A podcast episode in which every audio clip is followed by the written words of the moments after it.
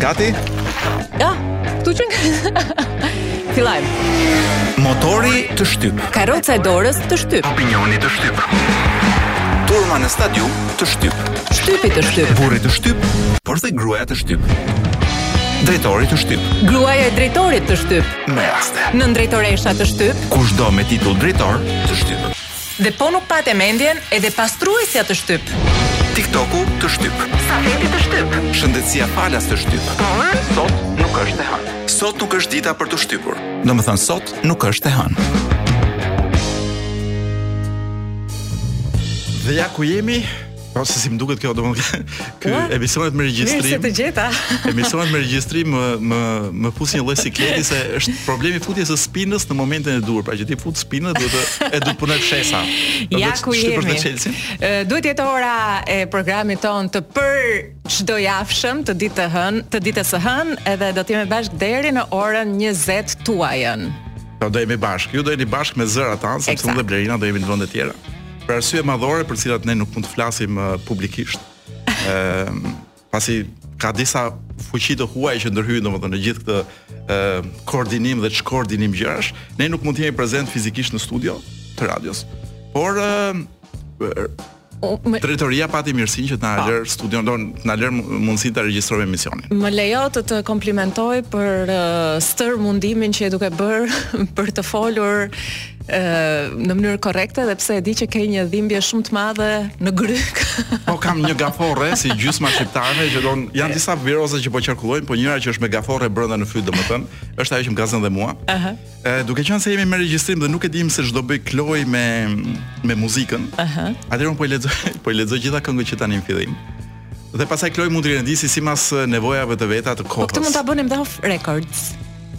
Ja, po Apo po jemi transparent. Mua, mua më pëlqen që të jemi transparent deri në fund. Okej, okay, mirë. Atëherë do e hapim, shpresoj që Kloi do e hapi me një grup rocku që është Avenged Sevenfold, uh -huh. një këngë tjetër me mbretërira me dhe gjëra. E ke parasysh atë filmin Blerina, uh, është një film me Lulëkuqe mbi mure dhe është një moment shumë i bukur që ata që kanë parë filmin nuk mund ta harrojnë. ku drejtori i shkollës i thotë atij përshëndete bamirësen. Po. Edhe kjo këngë është pak a shumë një gjë e tillë. përshëndete mbretin. Ë pastaj kemi një Imagine Dragons, Vasco Rossi që kemi marrë, jemi betuar tashmë që do kemi një Vasco çdo në çdo program që jemi bashkë në këtë Mark program. Mark Knopfler që ka nxjerrë një këngë të re, pra është gjallë, nuk ka vdekur për gjithë ata që janë fansa të uh, Dire Straits nga vitet 80. Kemi një Nouvelle Vague që ka nxjerrë një album me cover-a, Ëh, mm -hmm. uh, dhe kënga që un do kisha qejf dëgjoja me dashamirësinë e Kloit është Shout, cover i Tears for Fears. Biagio Antonacci ka nxjerrë një album të ri, që nuk është i keq, është interesant dhe kënga kënga që mban dhe titullin e albumit L'inizio. Unë uh, zbulova Klo tur Radio. Klo zbulova, nuk është që hulumtova shumë gjatë, ai e tha vetë që është i vetmi artist italian që nuk ka bërë asnjëherë një tur ekstra italian, pra nuk ka dalë asnjëherë jashtë kufijve të Italisë. Po do ketë frikë të ushtoj ma pjam. Shumë e çuditshme. Po mbase është, ku di un, mbase suksesi i tij është thjesht uh, lokal. Lokal si i Tunës për shembull.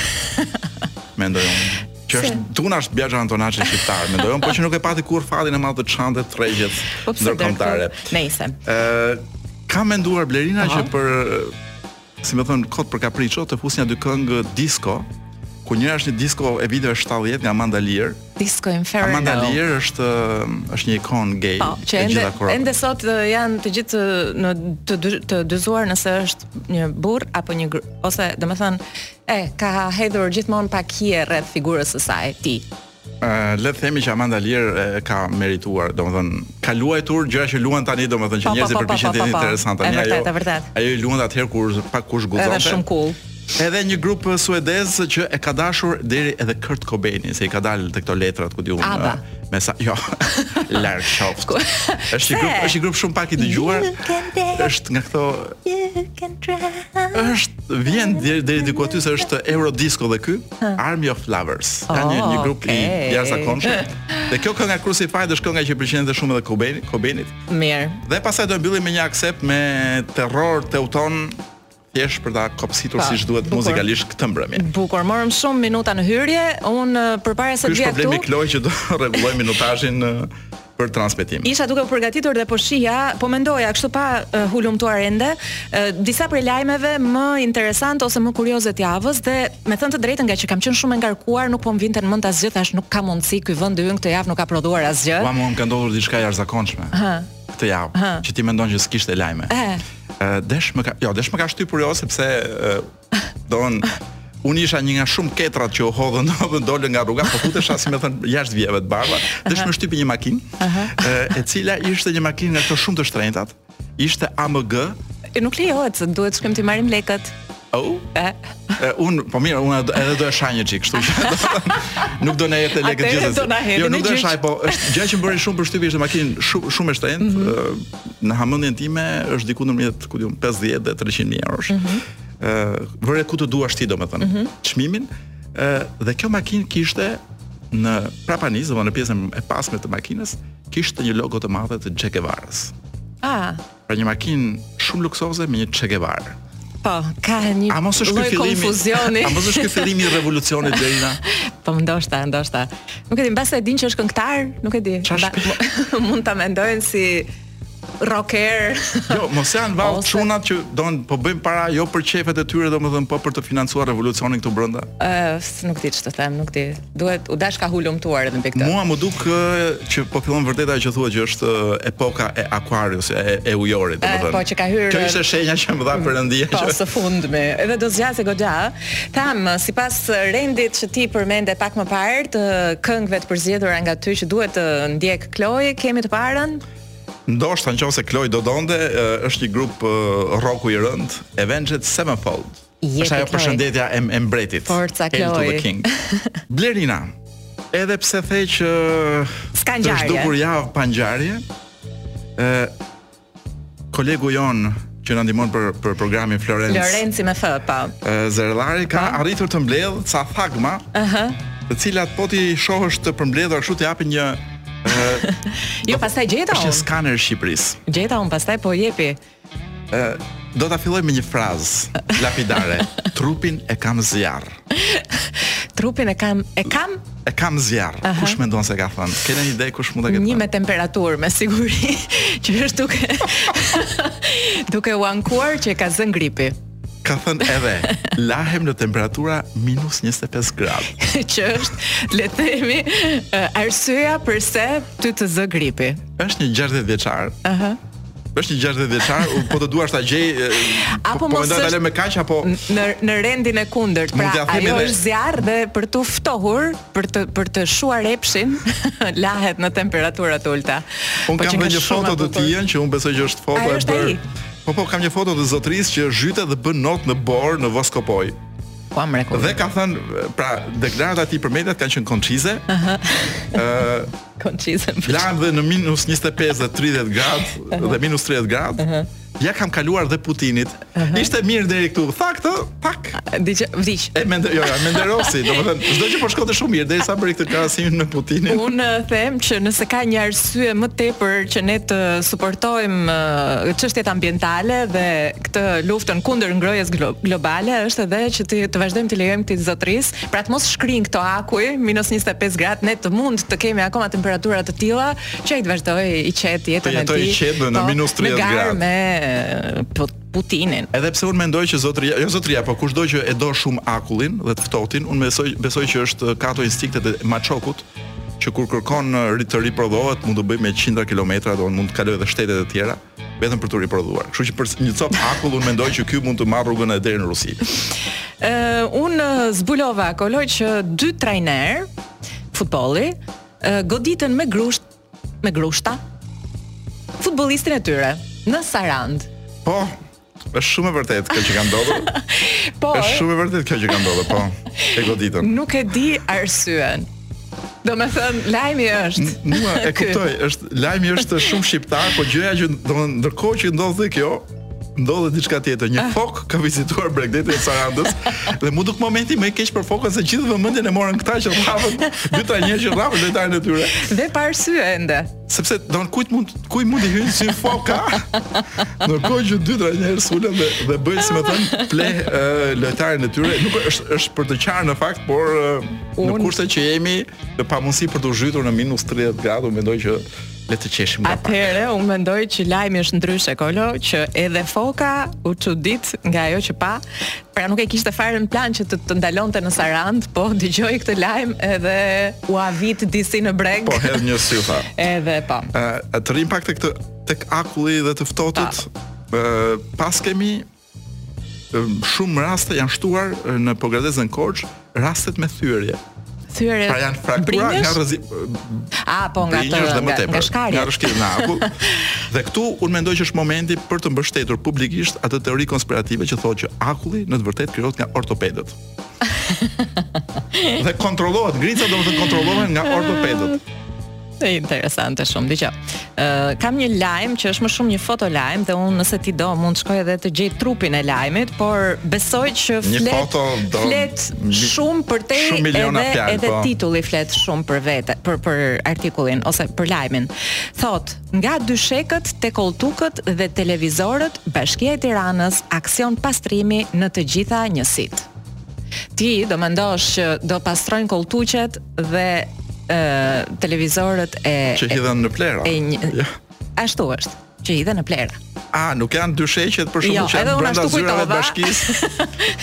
edhe unë ashtu kujtova, po në vërtetë. Sepse punojnë shumë, punojnë shumë dhe m'u duk po, shumë normale kur ti punon 24 orë të flesh edhe në zyrë. Është pak si në Google. Por në qoftë se ata duan të jenë të respektuar për punën që bëjnë, le të flenë në, në dysheme. Po po duan vërtet sakrifikojnë për këtë vend. Siç po sakrifikojnë me shumicë në fakt. Bukur, do kalojmë. Jo, atë po, jo, jo, kam nja dy lajme. Po. Që mendoj që janë të domosdoshme për t'u thënë publikisht. E para kemi një lajm për një 25 vjeçar i cili ka thyer arrestin e shtëpisë për të vjedhur gjimnazin. Mhm. Mm që mua më shqetëson fakti pse duhet vjedhë gjimnazin kur mund të vjedhë një bankë si zotri ose një kudion. Nuk, jo, nuk dua stimuloj vjedhjen e bankës, po. Në një është një qytet ose qytet që nuk ka banka. Malësia e Madhe i ka të gjitha. E vetëm gjë që s'ka janë shkollat, gjimnazet. Po ky gjeti po, vetmin gjimnaz që qarkullon dhe dhe e sulmoi. Mund të thjesht ketë qenë uh, kurioz se çfarë bëhet aty brenda.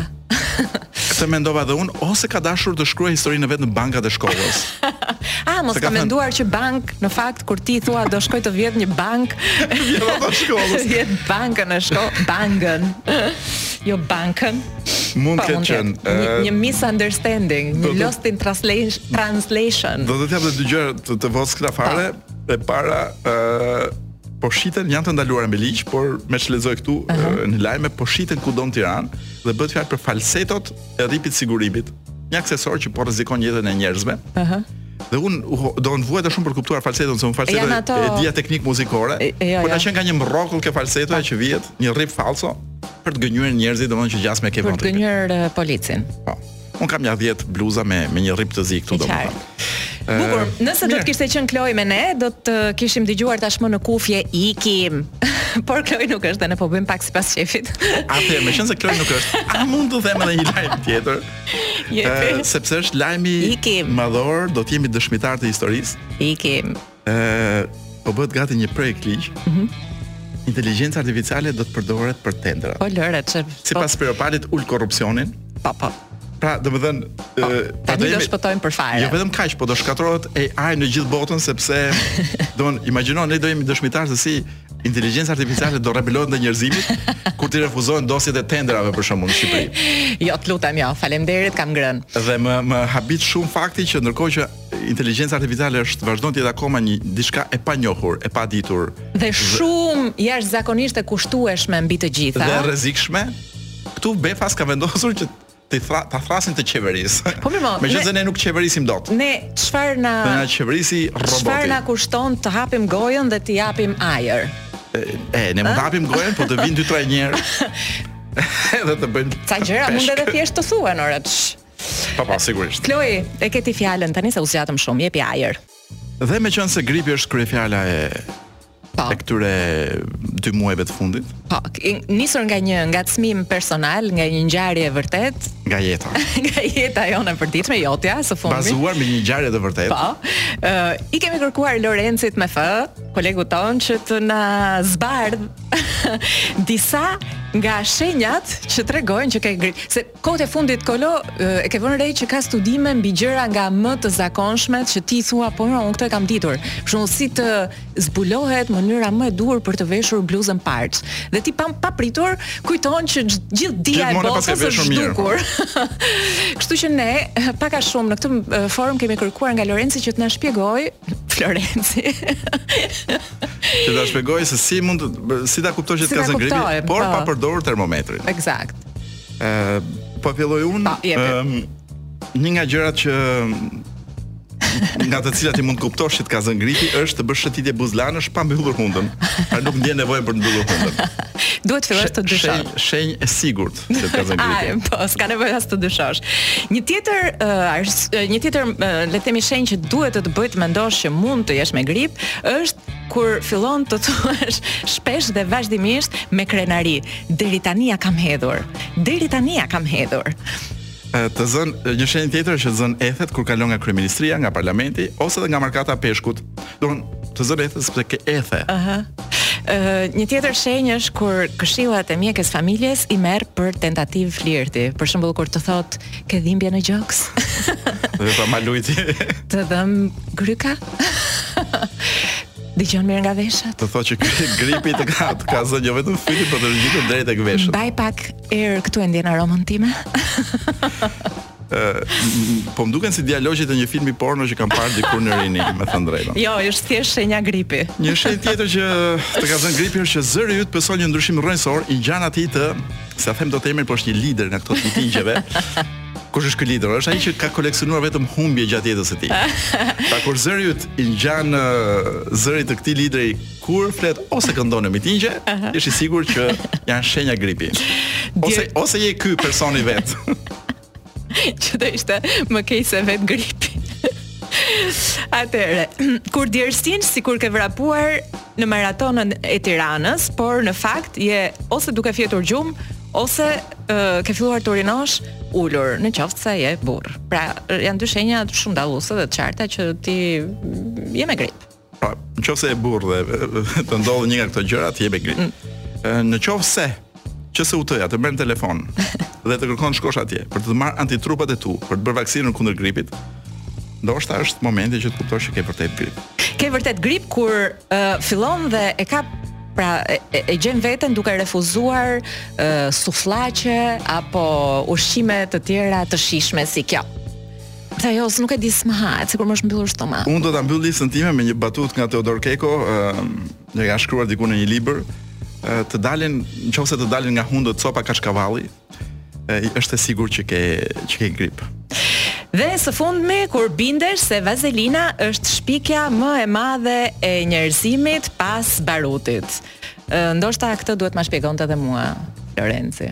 Pse vazelina? Pra, halucinacione dhe njeriut. Ah, kur ka halucinacione. Të kësaj natyre. Po pra, po, edhe ah, mendo këtë tjetrën që ti mund të halucinosh për shembull ditën e hënë sikur po she mund të shohësh me mendjen tënde një puntatë të tërë të Big Brotherit. që në fakt nuk nuk është në transmetim, por ama. Por ti je me ethe.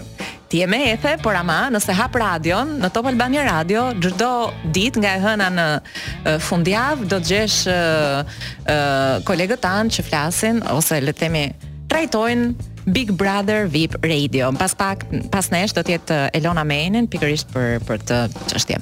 Pas nesh mas disa orësh, ndoshta. Pas nesh direkt mbas programit sot nuk është e hënë.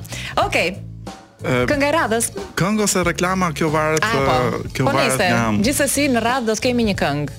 Kjo varet se nga do i shkojë uh, eh, taksimetri uh, eh, Kloit në këtë moment. Dhe ja ku jemi me libër në dorë. Të shkan shumë. Me të njëjtin libër, të Andre Gidit. Është një histori dashurie nga ato të çmendura. Gidi vetë ka jetuar mes dy shekujsh, pra ka filluar, do ka filluar të jetojë diku në 1800-at e vona. Dhe ka kryer veprën e tij. Dhe ka mbyllur ciklin në nga mesi i 1900-tave, besoj. Ë një shkrimtar shumë karizmatik, do thoja unë, mm -hmm. është publikuar ky libër me titullin Porta e ngushtë nga Pika pa sipërfaqe dhe përkthyer nga Feride Papleka. Dhe titulli është Titulli është Porta e ngushtë. Porta e ngushtë, po. Ë është një libër ata që na kanë ndjekur ndoshta në në leximet e mëparshme, që të, është në fakt një histori dashurie që fillon që nga që nga adoleshenca mes dy vetëve, mes dy personave, dy kushërinjve. Ë një marrëdhënie e pështjelluar kjo. E derisa rriten, ëm dhe libri i eksploron gjithë këto tema, dashuria, mkati, virtyti, ku di unë. Është botimi i 1909-s. Jo, ky këtu është i 2000, është i tanishëm, po. Sigurisht.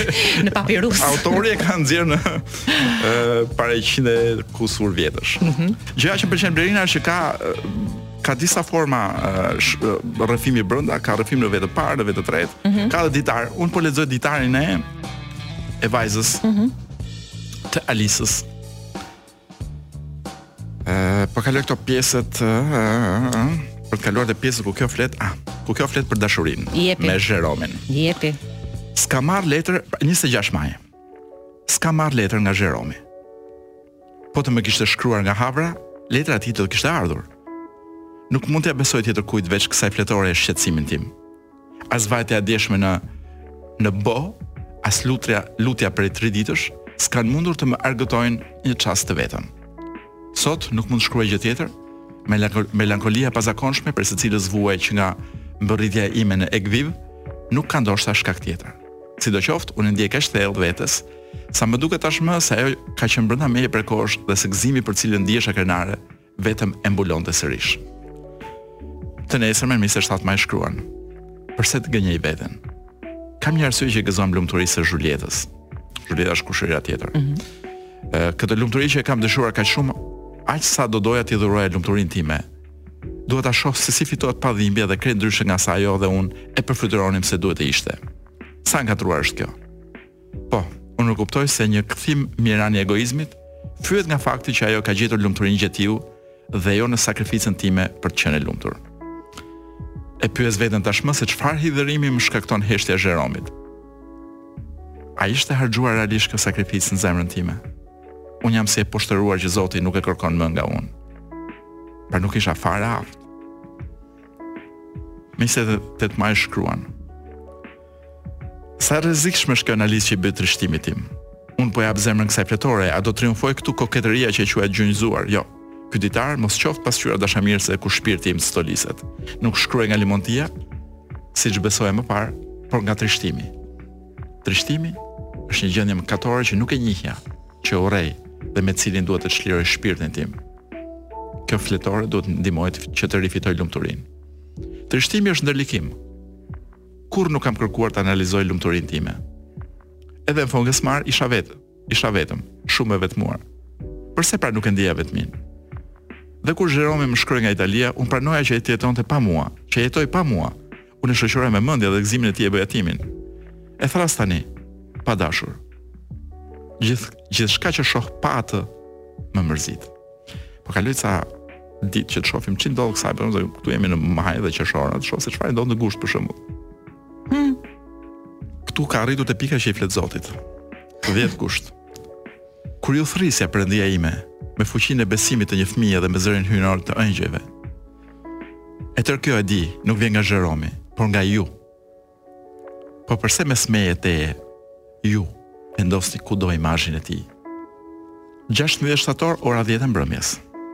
E pashë sërish. Ai ndodhet këtu nën nën këtë çati. Mbi bar shoh dritën që vjen nga dritarja e tij. Ndërsa shkruaj këta rreshta, ai rri zgjuar dhe ndoshta mendon për mua. Ai s'ka ndryshuar. Ai e thotë këtë gjë, unë e përjetoj.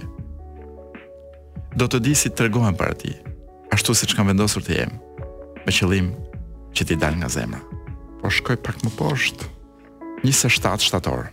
Qysh sot në mëngjes kam rënë në një qetësi të madhe. E kam kaluar thuajse tërë natën me përsiatje duke u lutur. Papritur m'u duk se më rrethonte e zbriste tek unë një lloj paqe e ndritshme, e njëjtë me përfytyrimin që kisha për shpirtin e shenjtë kur isha fëmijë. U shtriva herët nga druhetja se mos ia detyroja gëzimin tim një ekzaltimi nervor. Më zuri gjumi shpejt, por pa më braktisur lumturia. Ajo është sot e gjitha këtu. Tani kam një bindje se ai do të vijë.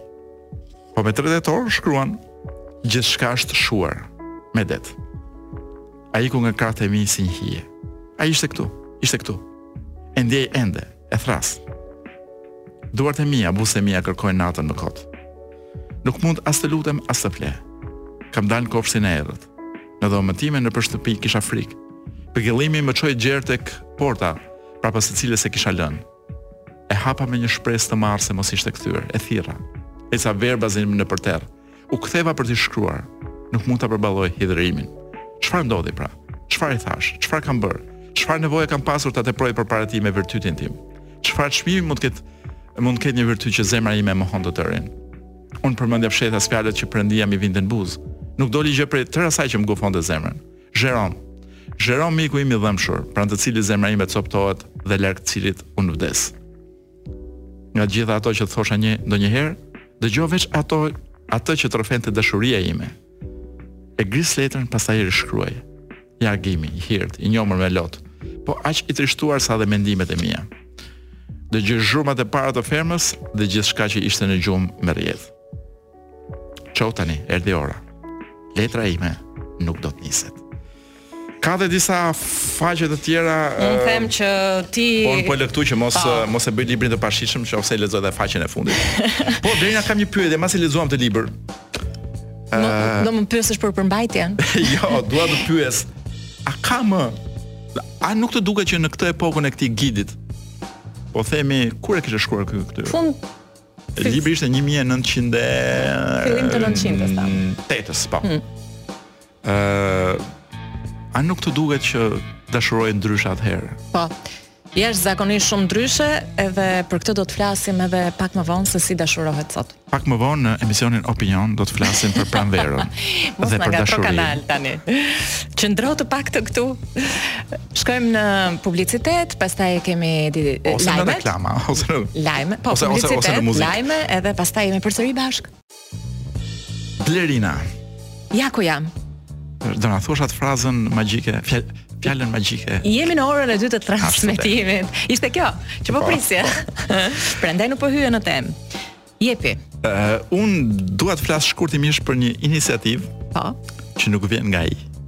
e çuditshme. Jo nga ai, nga ai Pater... tjetri, se janë dy ai. Është një ai dhe një ai, ai. Që ka një iniciativë kote.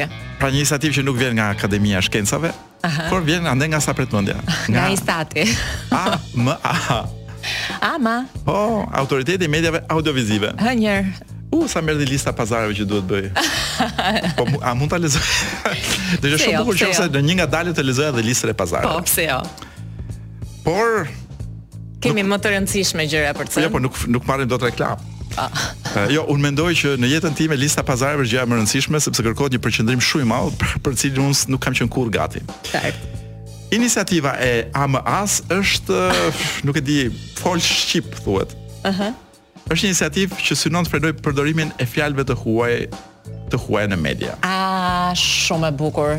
Më pëlqen jashtë mase dhe parashikoj që shumë shpejt do të ngeli mute pa zë jo, për ta thënë këtë, shqip. Ama ka këtë po mundësi që të mhm. edhe t'u heqë licencën, që nuk besoj se do mund ta bënte për fjalë të të, shqip, të keq shqiptuara. Ata kanë zgjedhur një një listë, pjesë liste këtu. Të fjalëve që nuk duhen përdorur. Për shembull, speakeri nuk është speaker, është folës. Folësi, po. Ë, me sa kuptoj un, un fjalën puntatë do doja ta zhduknim kolo. Puntatë, jemi në fal, ti, ti do të puntatën e parë. Po ti po bën të varrozësh Adi Krastën. Pse thot puntata Adi Krasta s'e besoj kurrë. Mund të ketë thënë fillim viteve 90 se akoma nuk kishim gjetur një. Gjitha këto fjalët spektakolore -hmm. kanë ardhur nga Adi Krasta, që ka qenë i vetmi njeri që bënte show në Shqipëri në kur filloi të kishte po, kuptim po, show. Po, Adi ka pasur një zhvillim gjithsesi. Mendon? Ne kemi mbetur ndoshta një ditë do ta marr në telefon edhe ta pyes. Ëh, eh, okay. A e përdor më këto fjalë? Përndryshe, do të thonë duhet të bëjë autokritikë publike. Okej. Okay. Ëh, këto fjalë që ka zgjedhur uh, AMA janë kakofonia për shkakun që zhurmë keq keq tingëllim. Aha. Brand që përdoret rëndom. Mark. Mark. Speakerin që e thamë po. folës. Inaugurim që është përurim. Përurim. Ë dikush përdor ka dhe deadlock apo stock që janë bllokim dhe grumbullim. Ëh. Uh -huh. Intimidim dhe kompeticion dy fjalë të tjera. Kaq është kjo lista ime, do duhet të shkoj pastaj tek faqja e Amës që ta shoh më të gjerë. Por uh, gjëja që o oh, lider për shembull, lider duhet të ishte udhëheqës, po. a baba, e di pse kur thua udhëheqës të, të vjen në mendje Enveri, prandaj. Konfidenca, këta kanë shkruar besim, por në fakt konfidenca është vetëbesim. Ëh. Uh -huh. uh, po gjëja që më habit është që Ama vetë, që është autoriteti oh, i mediave audiovizive. Mos Komplet emri i Amës është Autoriteti i mediave i mediave audiovizive. Po pse s'i thonë shqip? E po ta gjejë Ama do të na thotë. Që të ta shqiptojmë shqip dhe emrin e vet. Audio, si kështu do të thotë? Do ta gjej, do flas me ekspertët e vërtetë të shqipes që janë gjallë. Sepse gjithsesi do bëj një seancë spiritualizmi dhe do marr në pyetje Dakord. Dakord, megjithatë mos si si iniciativë më pëlqen dhe më pëlqen që uh, vjen nga pikërisht nga autoriteti i mediave audiovizive. Se po të presim Akademinë e Shkencave, AKSH-n. nuk e di ndoshta do ketë perënduar edhe epoka e televizionit dhe mediave audiovizive dhe do jemi në në, në epokën e telepatisë. Po. Pa ku të gjithë kemi një çip në vesh dhe nuk flasim exact. më, domethënë vetëm komunikojmë exact. me mendime. Mirë. Uh, pak muzikë ose pak reklama për t'u rikthyer me me e fjalorin e gjuhës së sotme. Fjalor, mirë, bukur. Ecim Blerina. Këtu jam. Është momenti. Këtu je ti, këtu jam unë, këtu është dhe fjalori i gjuhës së sotme shqipe. Ashtu dhe. Në këtë emision që kemi thënë një herë, po mund ta themi edhe dy herë. Po. Të regjistruar. Të regjistruar, po patjetër. Meraku yt i madh, ndërkohë meraku im i madh është të them orën, por sot nuk e di se sa është. sepse duke qenë të regjistruar nuk e di sa do të jetë ora në transmetim. Megjithatë, fjalori është rubrika rubrika jonë e përjavshme, edhe është ajo llokmë kulture që nuk mungon asnjëherë. I kemi mbërritur tek shkronja B. Po ecim jemi te B A-ja dhe K-ja. Aha. Uh, a mund të të godas me fjalën bakull? Bakull. Po. Çfarë do? Unë mendoj që bakull, bakull është burri i Odhjarshëm. Domthon sepse duhet të jetë në kuptimin që bakulli uh, qenka dikush me trup të shëndoshë e të fortë. Jo, jo, I bëshëm e i fuqishëm. Po jo, pse faleminderit, pse? Pse do... A nuk e do bakull? A jo, nuk e dua. Zhbakull mund të jetë? Jo, do atë do do do të na dalë një fjalë që të jetë ajo që që po kërkojmë për ty.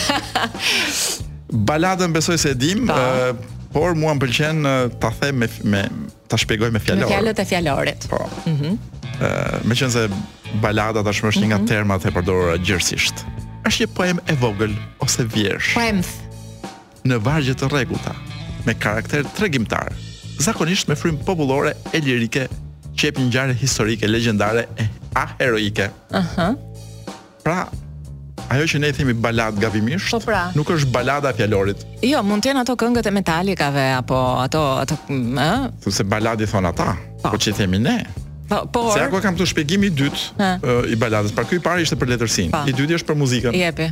Pjesë muzikore, për zëra, ose për vegla, që ka karakter tregimtar e heroik. Pikërisht pra, grupet metal kanë edhe pak frymë epike, heroike. Heroike kanë sa po. Por nuk e kanë disa këngëtarë të muzikës së lehtë që rëndom shprehen që kanë sjellë këtë festival një, një baladë. baladë. Ku është ti s'më fole mua, unë s'fola ty, si të do të paty. Po. Përgjithsisht për uh, as për dashurinë. Nuk janë balada, janë po. qurraveslliqe, le të themi. Ë balancën besoj se e dim, ë të gjitha gjërat që lindin nga balanca, por Mund të flas pak për balastin. Ëh. Uh -huh që është ngarkesë e rëndë, zhavorr, rërë, ujë e tjerë, e cila vuhet vihet në fund të anijeve që këto të zhyten në ujë aq sa duhet. Mm, pra është një po. term detar. Dhe meqenëse jemi një popull tashmë detar që kalon La Manshin mm -hmm. në mënyrë të rregullt, mm -hmm. unë mendoj që është një term balasti, është një term që na duhet. Pra asaj gomones që ju çon matanë, pyesni, pyeteni pak, uh -huh. a është në rregull balasti këtu. Ëm, ehm, balashi, ëh, uh -huh. Jemi pak, si më thënë, jemi për pak na përket? Jo, për pak thashë, jemi konfident. Po thashë do të presë gishtin, do të presë gishtin ama do të për përdorimin e kësaj fjale. Pra jemi besimplotë që fjalën balash e njohim. Ëh. Uh -huh.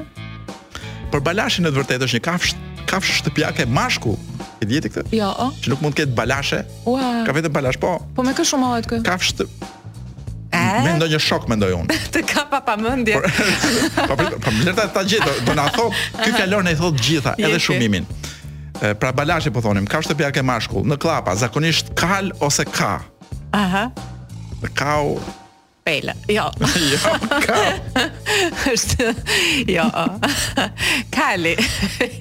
mos të lutem, fjalorin që është shkencor mos e ngatërro me me me fraza popullore. Humor, humori. Ë Ka, nuk e vazhdo. Po ma prishe. Ma prishe Balashin. Mirë, unë them që dha. Balash është një njeri me flok ose me qimet e fytyrës krejt të bardha. Po Balash mund të jetë dhe njeri pa turp, njeri të cilit i ka plasur cipa. Aha. Por bleu them që paska dhe Balashe. e shef pra që ka. Po jo, pa po Balasha nuk është femra e Balashit. Është metafor. Jo, e dashur, Balashe është mbiemër. Pra dikush që ka një balë të bardhë në ballë ose bala në trup, po zakonisht u përdorka për kafshët. Kjo mund Pasi të- po bala mendoja, bardhë në- po mendoja kush nga Ballë. nga njerëzit që njoh unë do ka një balë të bardhë, jo po qenka për kafshët. Kjo mund të jetë edhe kështu, e, si quhet ajo, balë e bardhë në ballë për të Është shumë- shkrydhur gjuhën. Edhe Si si the për të si, shfar- shkrydhur gjuhën. shk- shkrydhur apo shk- unë e di që shkrythur. Megjithatë. Me thë. Do vijmë dhe te shkrydhja Dhe do shohim çudira Blerina Te shkrydhja Do, do vazhdoj dhe pak dhe do e lëmë ke baldosa mendoj unë Ok Balç Duket si sharje në fakt jo Balç është lule është nga botanika lule balsami. Mm -hmm. Por shqiptarët zakonisht do donin t'i binin për shkurt. Çfarë thonë balsam? Thonë balç. Lule Balçi. Paska edhe lëng Balçi që unë supozoj që vjen nga shtrydhja me një farë mënyre e luleve të balsamit. Mm -hmm. Dhe akoma e sqaron këtu Balçi qenka dhe një lëng i trashë që nxirret duke e zier këtë bimë ose duke e lënë për një kohë të gjatë në vaj dhe që përdoret për mjekim në klapa, mjekim me balç ose i trashë si balç. Më pëlqeka shumë balçi, ë Po të po të kisha mundësi të shtija në dorë ca lule balsami, do kisha prodhuar dhe balç.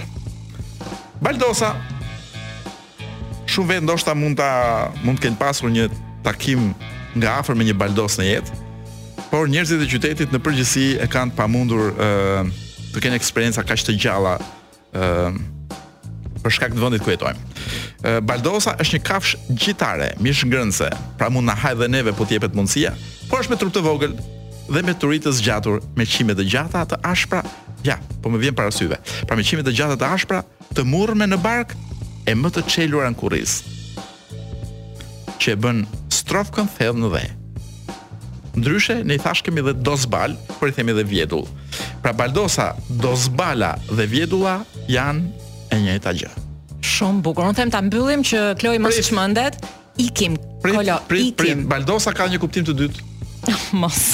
Diku në një krahinë të Shqipërisë që këtu nuk e thotë, Baldos i thashkan dhe dosës, pra ka kuptimin dosës ose boosters. Mhm. Mm për boosters nuk jam i sigurt se çfarë është, por unë besoj që bushtrja do na ofrojë surpriza të mëtutjeshme. Bukur. Ka ardhur momenti i një tjetër çarjeje që mund të jetë uh, publicitare ose muzikore në varësi të uh, disponibilitetit të Kloit.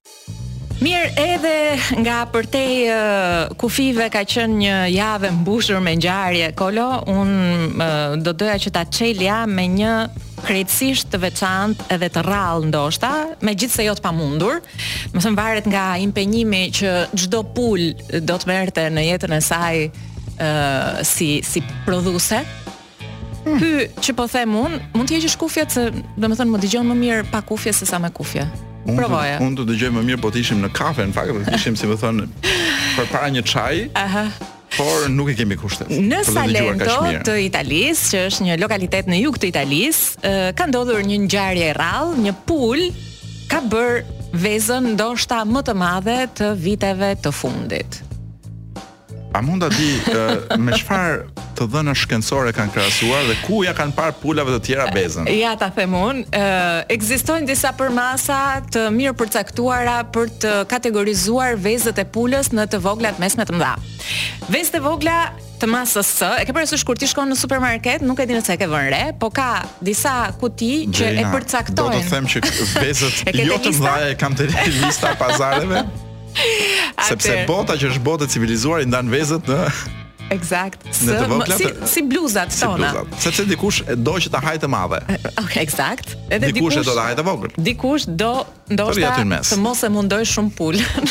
Dhe unë shkoj gjithmonë për të vogla sepse kur shoh ato të mëdha them sa ka vuajtur kjo pulë domethënë. Unë nuk do mbështes këtë tregti çnjerëzore që i çan pulës ku di unë. Kështu që pjesë delikate për të nxjerrë kësi lloj vezësh. Dhe uh... çfarë kanë bërë me këtë vezë? E kanë gatuar, e kanë balsamosur. Si fillim e kanë bërë një lajm mirë. Po, do, do të dish cilat janë gramaturat e vezëve sipas prerjeve? Pra, prerja e vogël e vezës, S është rreth 50-60 gram. Prerja e mesme është 5, më fal, prerja e vogël 40-50, prerja e mesme 50-60, prerja L është 60-70, extra large është 70-80 gram. Pra, ajo extra, extra large super është, kjo? është 80 gram, ndërsa veza për cilën po flasim të dashur miq, i superon 190 gram. Shaka ç'më the. Shaka ç'janë këto shaka.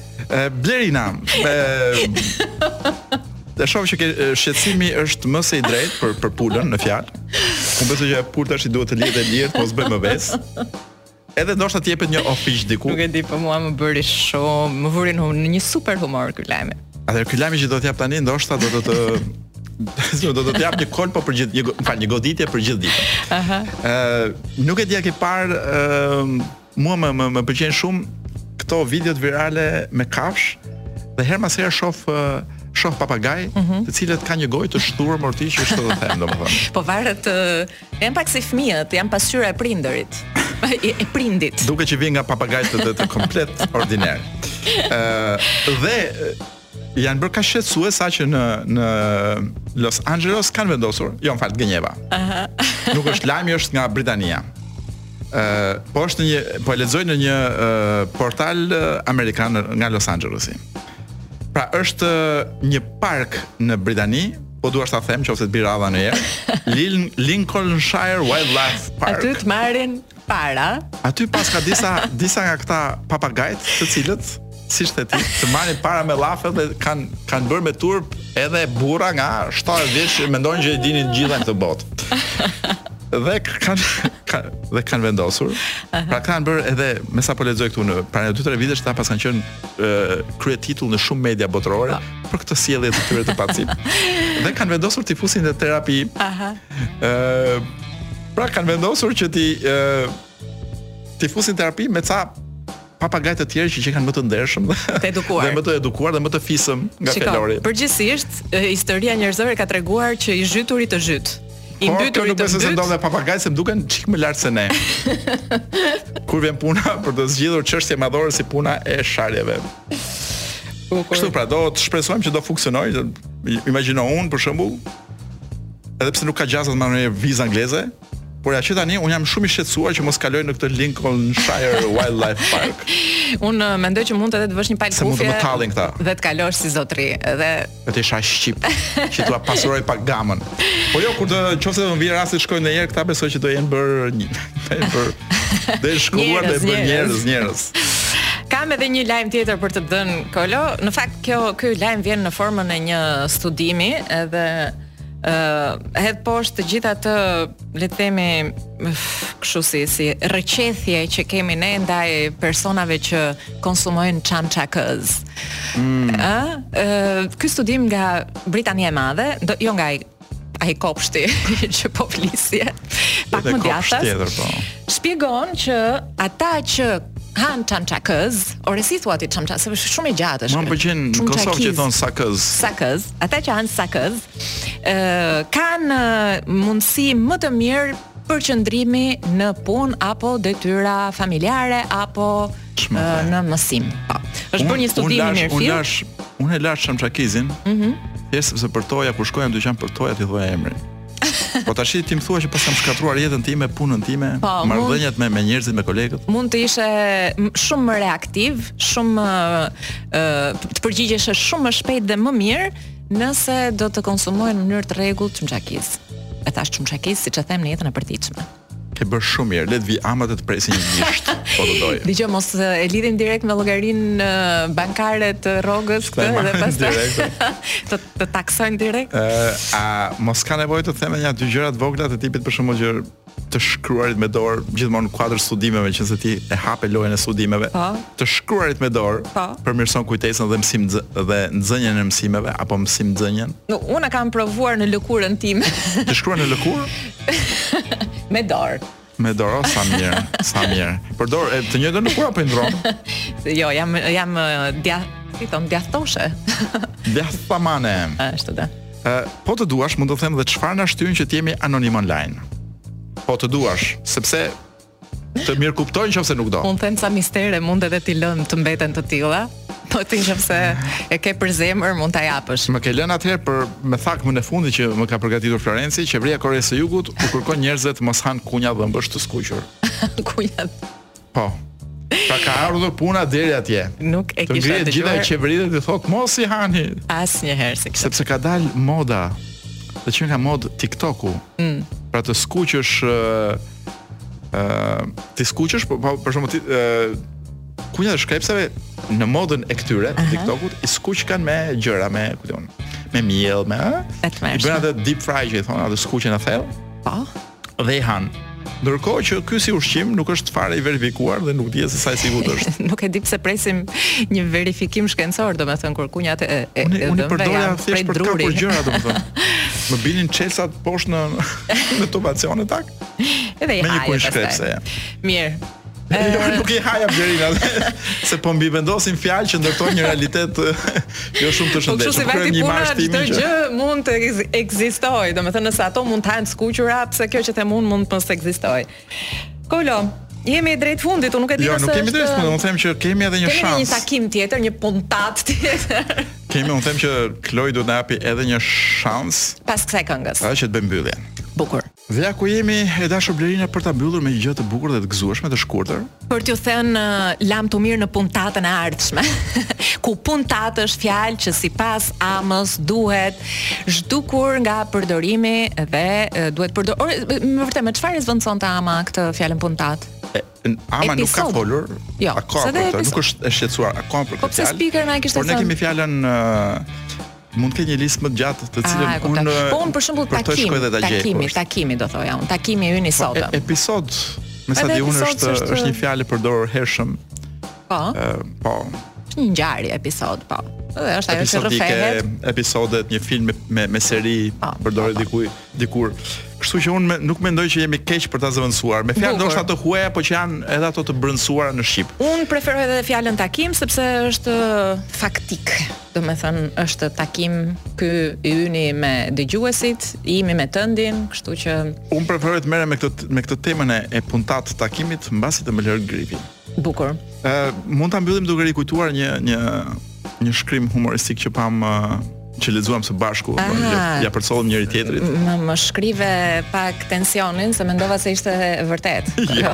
Një shkrim humoristik që thoshte pra, sarkastik ë në një nga këto mediat online që thoshte atë frazën Atë frazën. a mund ta citosh të lutem fjalë Po për ja, fjalë? një sekond se kisha fi- fikur uh, Apo ta them unë me fjalët e mia. po po mund ta Që thuash. kriminaliteti në këtë vend ë ndodh pikërisht për shkak të mungesës së zotni Llëkut.